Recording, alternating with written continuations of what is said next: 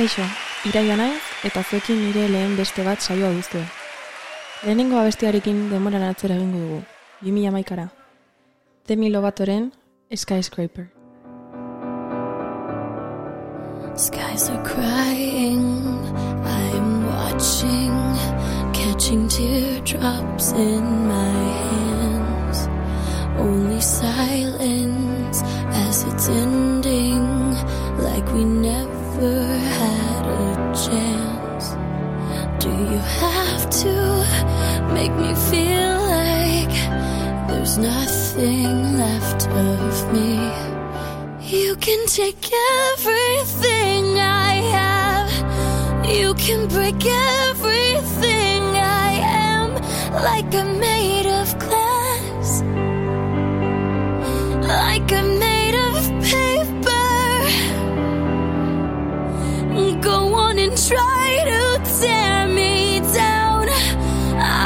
be right.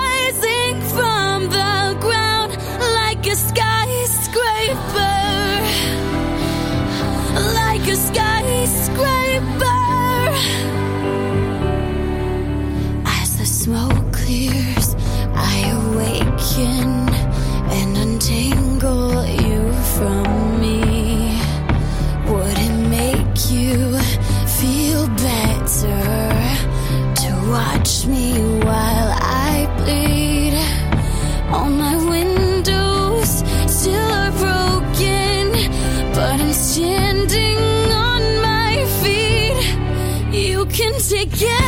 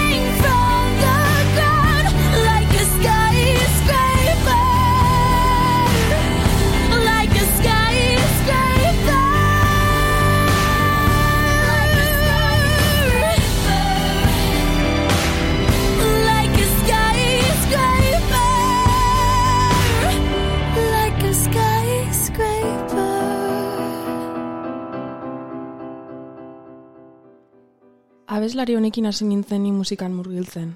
Eta Sky Scraper temiren lehenengotariko kanta izan zen entzun nuena. Baina bestia bestikin jarraitu horretik nire burua aurkeztu behar dukat. Iraia kamera naiz, bilabanako gazte bat, musika eta bestea jo duena. Komunikazioa eta teknologia multimedia grado ikasten dut Donostiako Deusto Unibertsitatean. Eta irratian murgiltzeko beharra nuela esan dezaket. Saio guztian zehar nire bizitza azaltzen saiatuko naiz, baina kantoen bitartez eta azalpen gutxi emanez. Baina oraingoz hitz gutxiago eta musika gehiago. Zure begi horiek. Bulego. Segundu erdi batez Zarata honen erdian ez da ez erentzuten Zenbat inertzia, zenbat sasiraultzaie Nik bihotzetik abesten asmatzea bakarrik nahi dut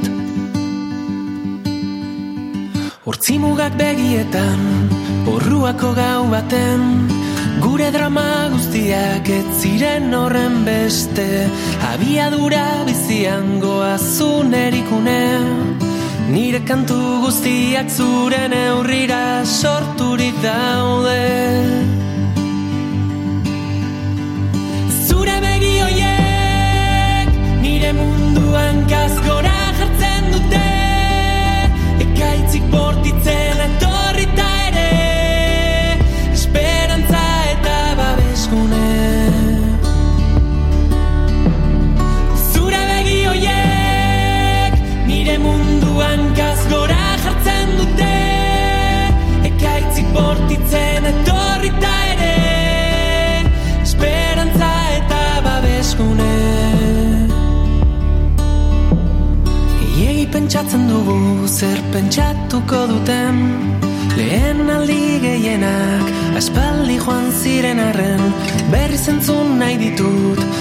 betiko kantu haiek Izarrei begira orduek egan aldegin arte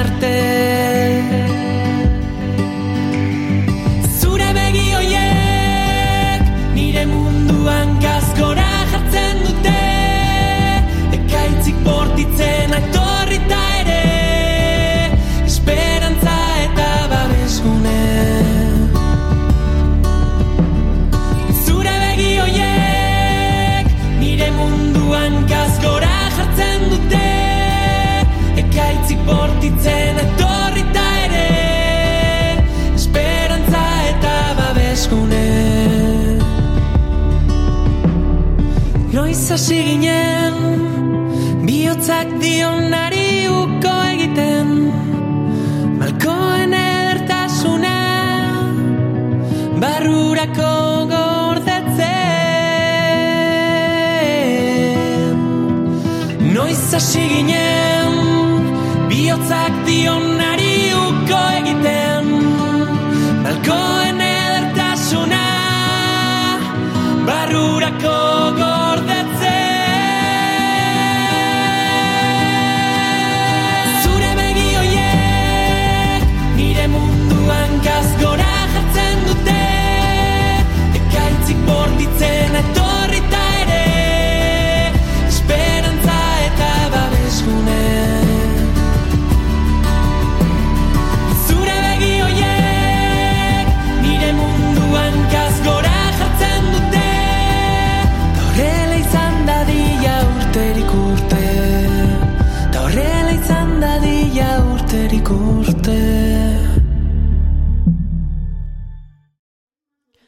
Abesti hau, bulego taldearen etapa berriko diskoaren lehen singela da.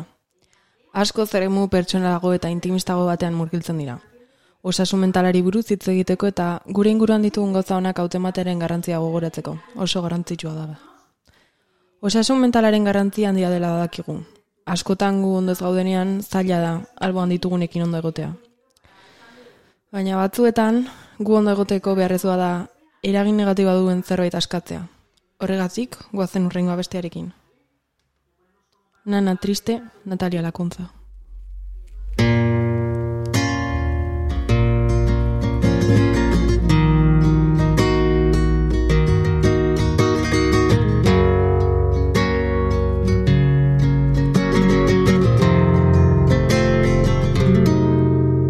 Sé que hay cosas que me digo que no tienen que pasar. Se despiertan del olvido, vuelven para hacerme llorar. Yo me quedaría contigo una, dos, tres noches más si no hubiera roto el hilo. Ojalá volver atrás. No te culpo de mi pena,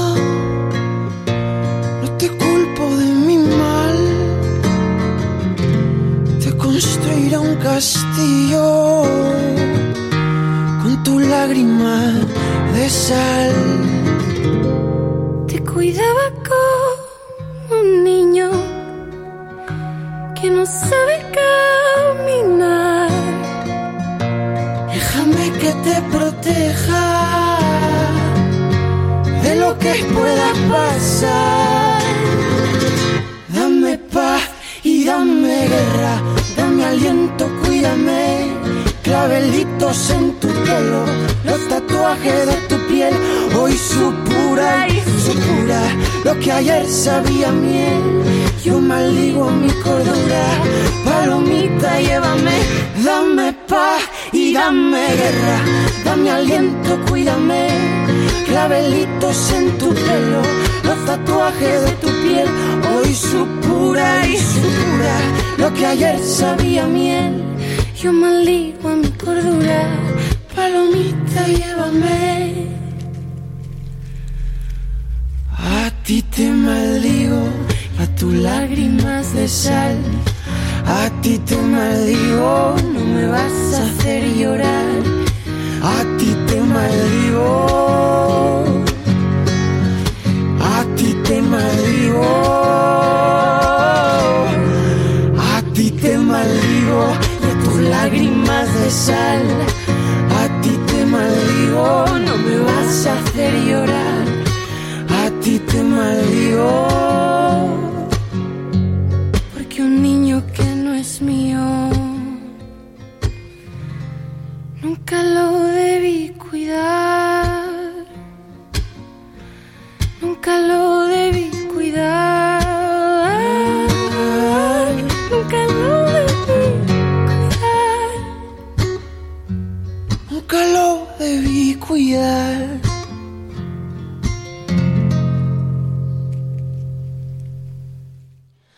Abesti hau Natalie Lakuntzak egindako egindako abesti bada.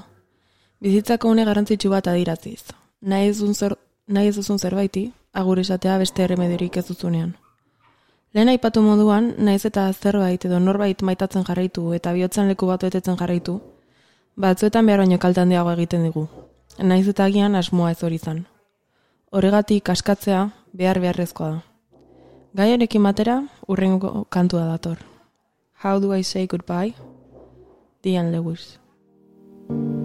There's a message on my phone. It's my mother saying, darling, please come home. I fear the worst. How could you leave us all behind? There's so much to say, but there's so little time. So, how do I say goodbye someone who's been with me for my whole damn life?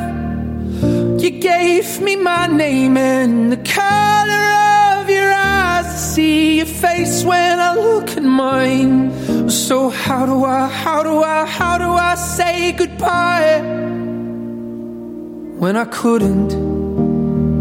You always saw the best in me. Right or wrong, you were always on my side. But I'm scared of what life without you's like. And I saw the way she looked into your eyes. And I promise if you go, I will make sure she's alright. So, how do I say goodbye someone who's been with me for my whole damn life? You gave me my name and the color of your eyes. I see your face when I look at mine. So how do I, how do I, how do I say goodbye? And there's no way you could ever let me down. Steal some time and start again. You'll always be my closest friend. And someday we're gonna make it out. Just hold the light. Just hold the light high, high. So, how do I say goodbye to someone who's been with me for my whole damn life? You gave me my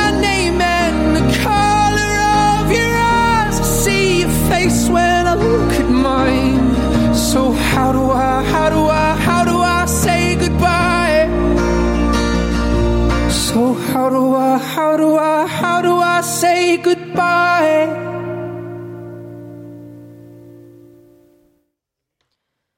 Zeinen zaila egiten zaigun aurre esatea.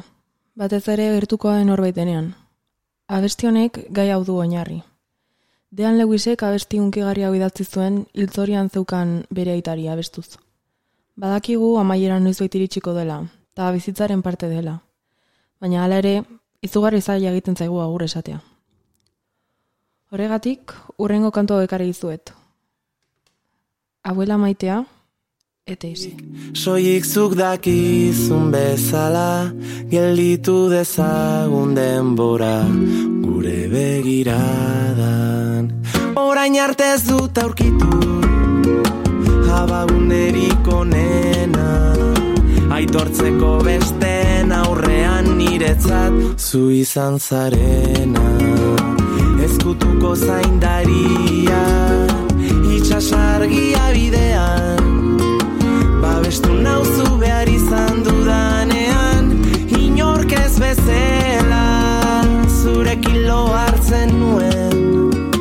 Nire egun ilunetan Zurekin amets egin dut Gaur gauean. Heldu nazazu eskutik Dakizu bezala Gelditu dezagun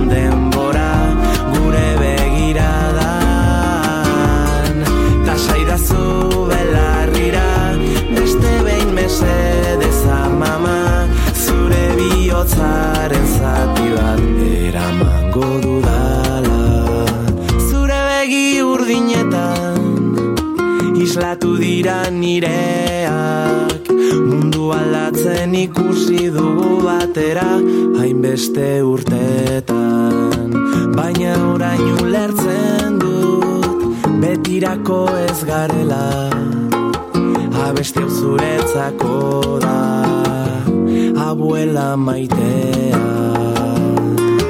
Elduna zazu eskutik Soik zudakizu bezala. Gelditu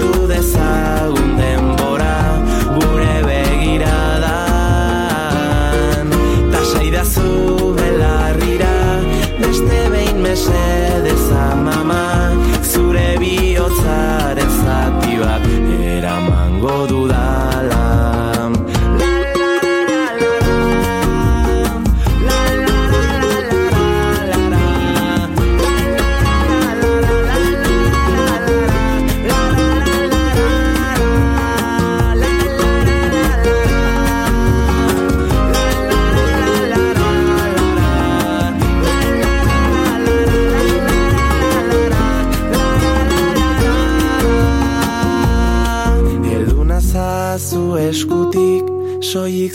dakizun bezala Gelditu dezagun denbora Gure begiradan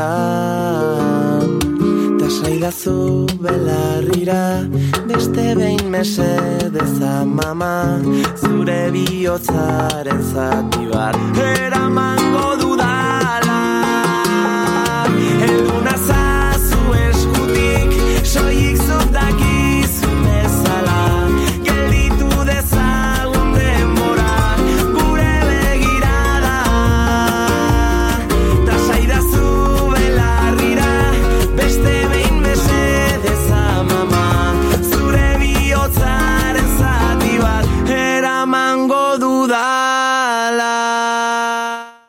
Abuela maitea da, ETS-ko inigo etxezarreta abeslariak bere amona Isidra hilberiari egin nahi izan dion omenaldia. Zaila da askotan hitzez azaltzea gure aiton amonekin dugun harremana. Urte askoan nahiekin bizi gara, eta gure bizitzako pertsonarik garrantzitsuenetakoak e, izaten dira. Honek e, zaila egiten du agur esatea, utxune bat uzten digutelako gure egunerakotasunean, ezin bete daitekena. Utxune honek minara egiten dugu, batez ere aulkia hautsik uzten digutenean. aulkijokoa idoia.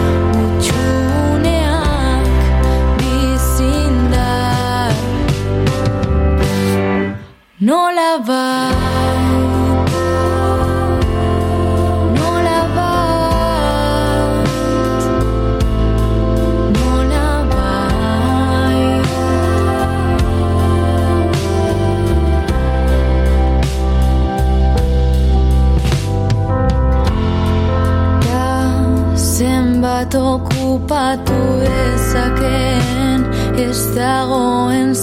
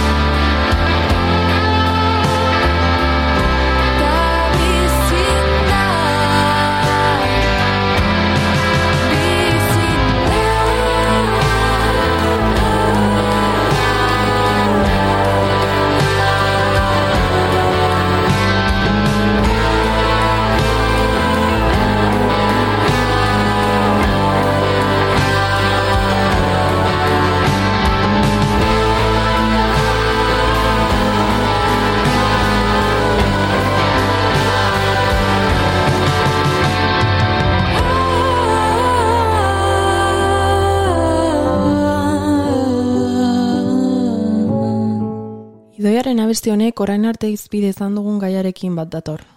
Bideoklip honetan, idoia bera agertzen da piano zar bat jotzen, eta familiako bazkari batez gozatzen. Abestiak sentsibilitatea erakusten du, kutsu nostalgikoaz baliatuz eta gure bizitzan benetan garrantzitsuak diren pertsonak gogoratuz. Baina konturatu behar gara mailan auki hutsu bat dagoela. Bizitzan maite ditugun pertsona galtzen ditugunean, batzuetan gu ere galtzen gara. Eta honekin dator urrengo abestia. Guantanamera, Gitarrika de la Fuente.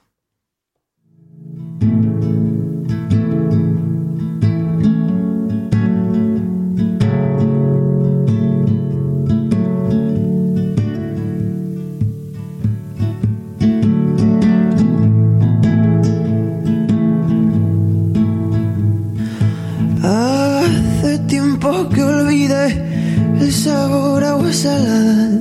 He vendido ya mi alma al diablo por la plata. Y ahora me muero de sed. Pedacitos de La Habana, he bailado mil guajiras a la luz de la mañana. Un disparo al corazón, one,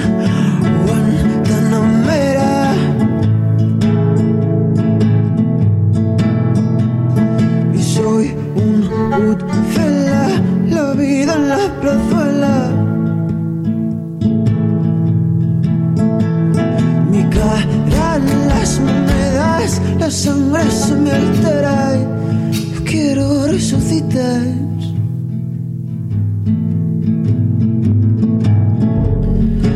Para sobrevivir, me adentro en el humo de tus cigarrillos. Acabamos hasta el culo. Píntame la piel, angelito oscuro. Y la ciudad, mamacita, dame alas, que me quiero ir a volar. Ah, ah, en las cuevas de cañar, la vida es tan bonita que parece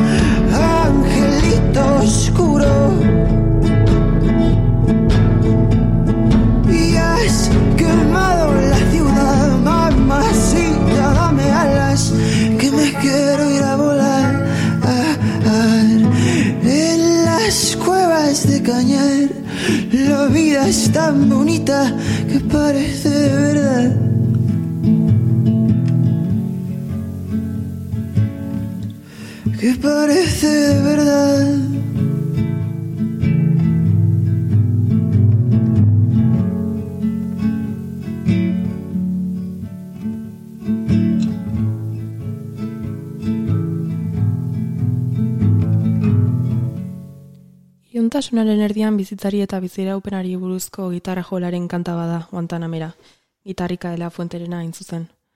Ametxen bila zerbait usteko ideiaz eta bere guruarekin konektatzean duen garrantzia hitz egiten du abestiak. Biziraupen beharra eta biziprobetan nabigatzeko beharrak oso garrantzitsuak dira eta honetaz hitz egiten du kantuak. Azkenik, garaitzailetan babesleku seguru batera egan egiteko itxaropenaz eta beharraz ere hitz egiten da. Oso kantu osatua da. Kantak bizitzan aurki daiteke, daitezkeen edertasuna eta aura jasateko indarra ospatzen ditu. Honekin batera dator urrengo kantua. Azten ari garen zeinen zaila egiten zaiguna bestuz. Crecer, el ataubert.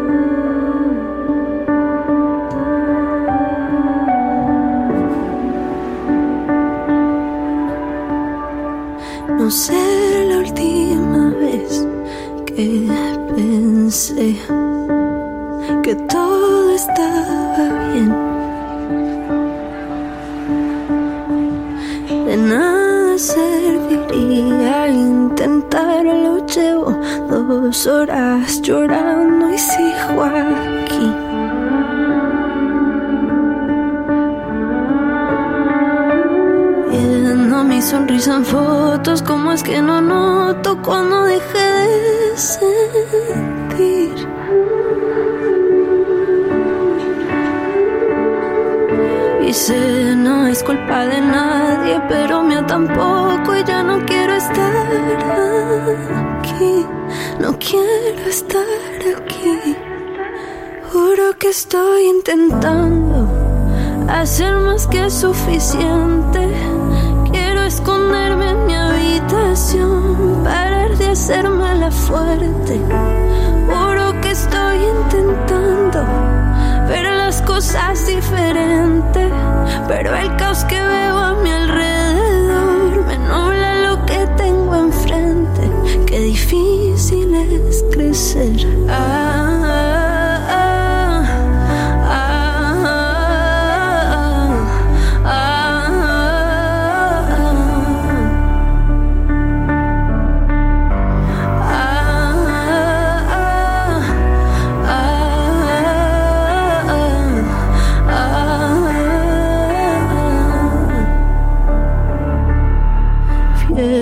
mi sonrisa en fotos, ¿cómo es que no noto cuando dejé de sentir? Ah, sé que no es culpa de nadie, pero mía tampoco y ya no quiero estar así, ya no quiero. Ya no quiero. Juro que estoy intentando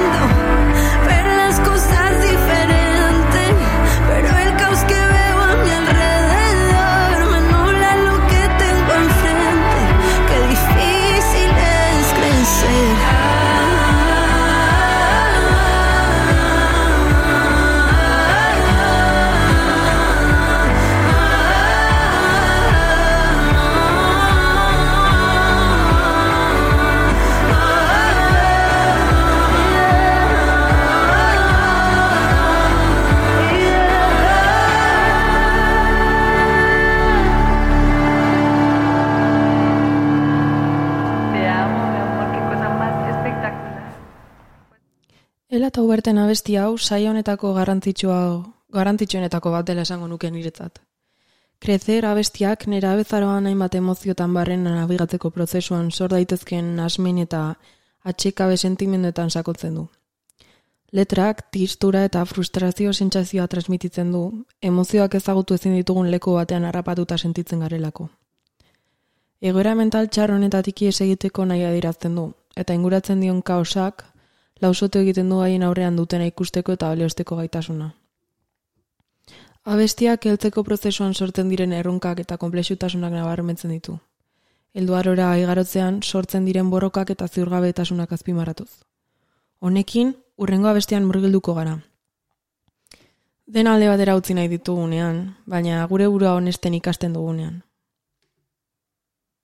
Erori, izaro.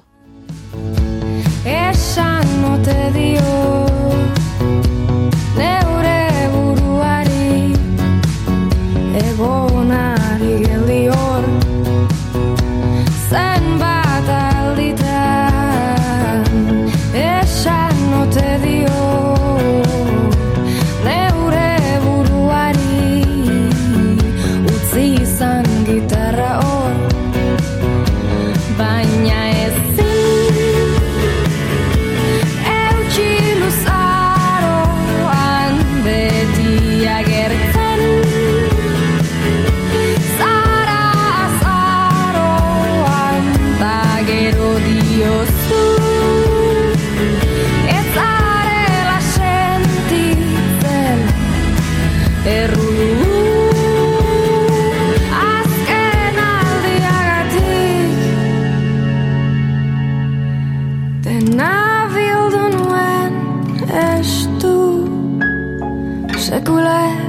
doesn't how she's so Μια βιλδούν west του εκεί Τα σκανέ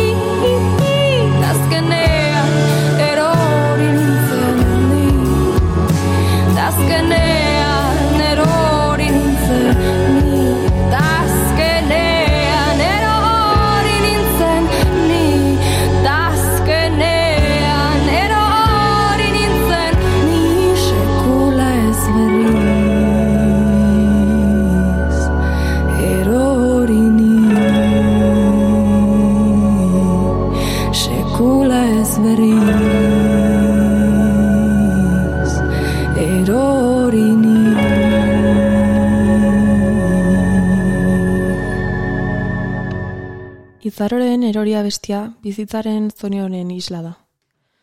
Gure azken patua zein den galdetzen dio bere buruari abestian zehar.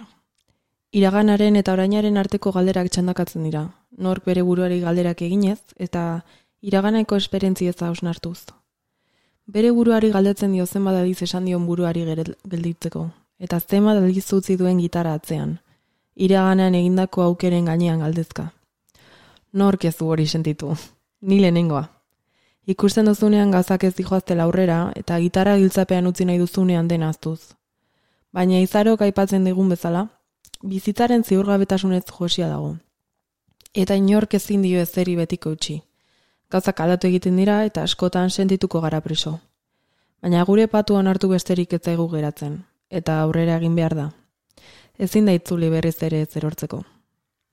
Gai honekin jarraituz, ni konposatutako kanta batekin nator. Azaroaren hogeita lauan atera nuena. Kanta honen izena, bukatu arte da. Nirea, iraiarena.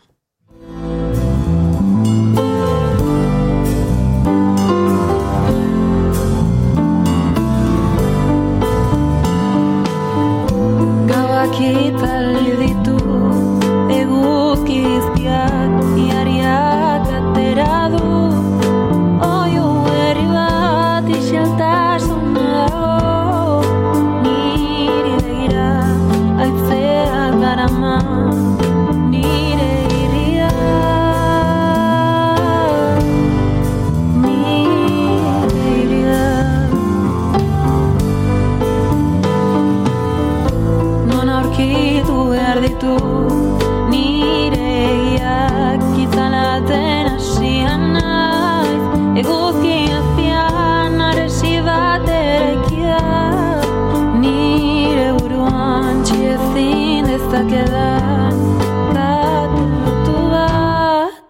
baina denbora harrapatu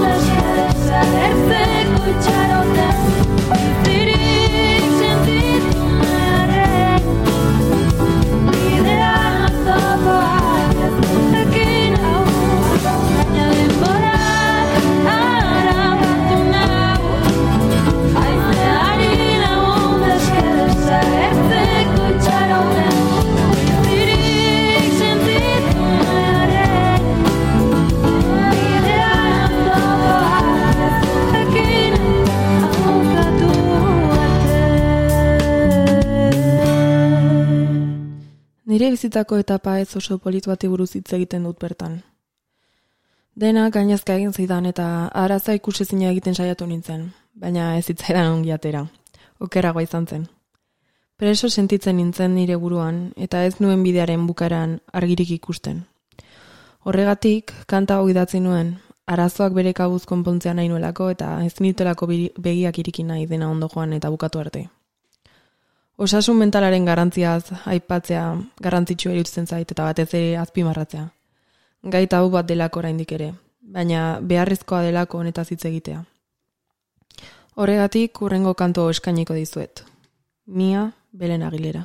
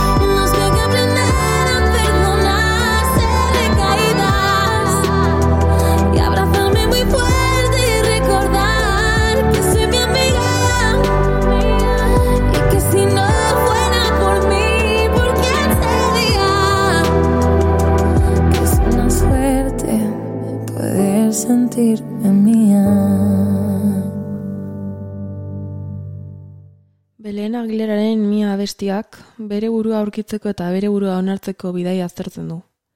Abestiak iraganeko esperientziei eta norberaren zentzua nola moldatu duen hausnartzen du.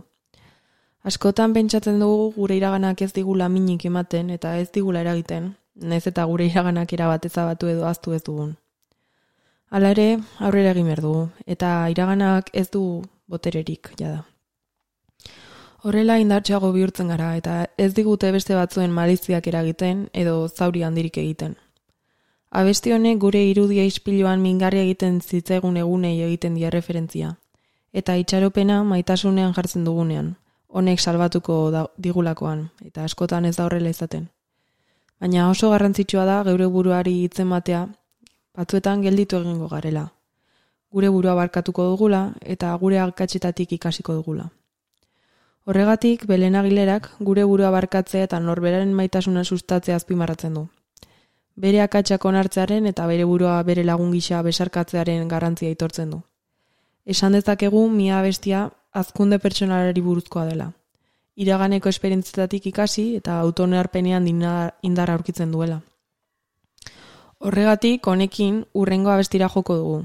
Maitasunak ekartzen dituen beldurrei buruz hitz egiten duguna. Dani Fernández, Vértigo.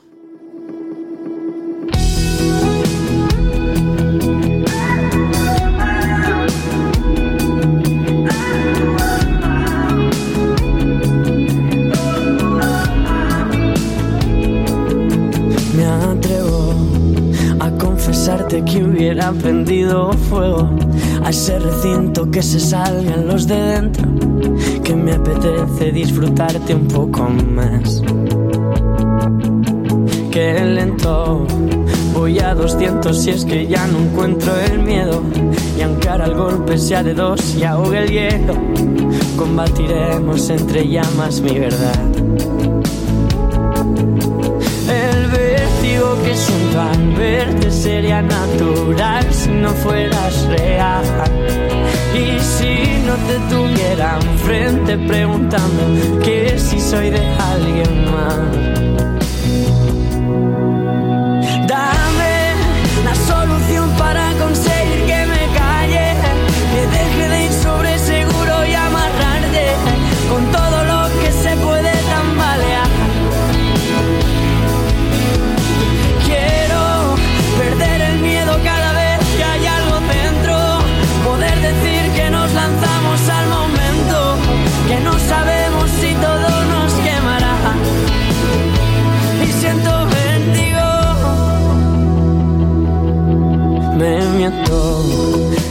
Excusas para no salir del juego, para no ver que te estoy echando de menos y que me muero por oírte preguntar. El vértigo que siento al verte sería natural si no fueras real. Y si no te tuviera enfrente preguntando que si soy de alguien más. Solución para conseguir que me calle, que deje de ir sobre seguro y amarrarte con todo lo que se puede tambalear. Quiero perder el miedo cada vez que hay algo dentro, poder decir que nos lanzamos al momento, que no sabemos si todo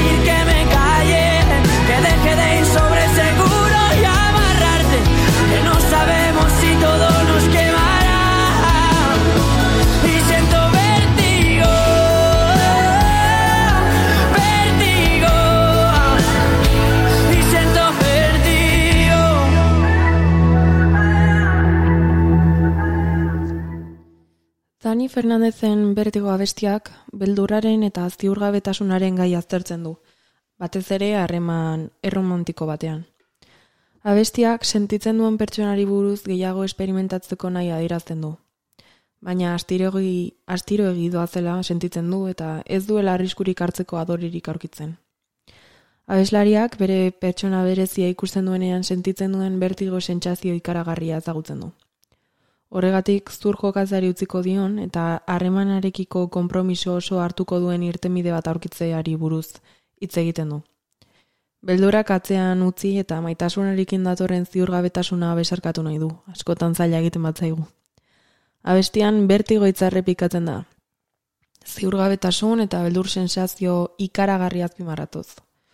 Horregatik ere, bihotzean leku seguru bat utziko dion konponbide baten desioa errepikatzen da. Beldurra izan arren, bertigoa segit sentitzen du eta besarkatzeko prestu dago. Oroar, bertigok beldurraren, ziurgabetasunaren eta irrikaren emozetan sakontzen du, harreman erromantiko batean. Askatu eta arriskoak hartu nahi izatearen borroka erre- erretratatzen du. Ekintza horien baliozko ondorioen beldur diren bitartean. Baina bueno, bukatzeko nire etapa guzti hauen ondoren konposatu nuen kanta batekin nator. Baina gai guzti hauekin zer ikusirik ez duena. Horregatik batzen, gurea dena, iraia.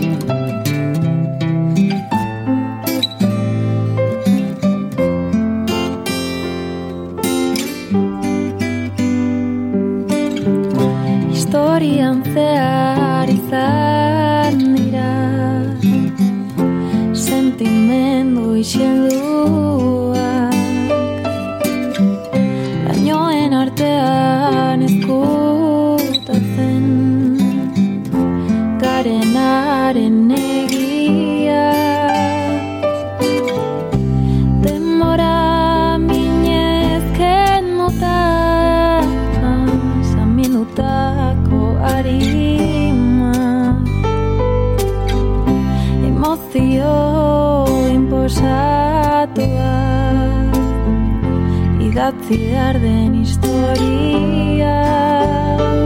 Baina bada zerbait Izigabetasuna sortzen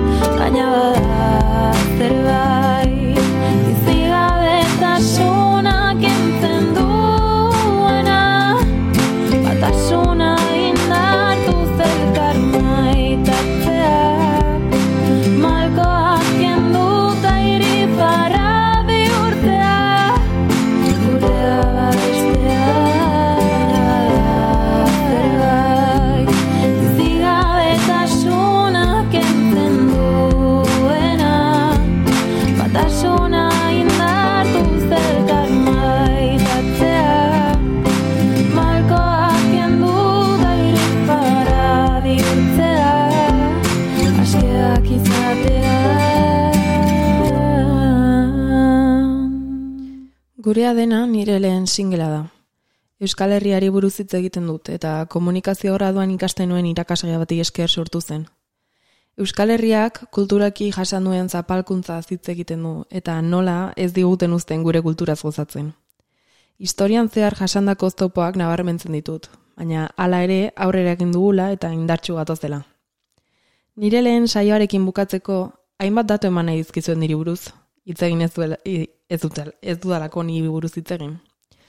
Musika nire bizitzaren parte izan da konziente naizenetik. DBH-tik abestia konposatu ditut eta orduztik ez naiz geratu. Nire kantak euskaraz dira, nire amaizkuntzan, eta musikaren bidez hizkuntza eta kultura bultzatu nahi ditut. Konposatzeak lagundu egiten nau barruan barrua usten. Hitz mintzatuek uzten didaten moduan. Niretzat, konposatzea eta kantatzea errealitatetik ies egiteko bidea da. Eta sentimenduak eta emozioak transmititu nahi ditut. Batez ere berdin sentitzen direnek empatia sentitzeko aukera izan dezaten. Hau izan da dena gaurkoz. Eskerrik asko entzuteagatik eta arratsalde ona izan dezazuela. Urrengora arte.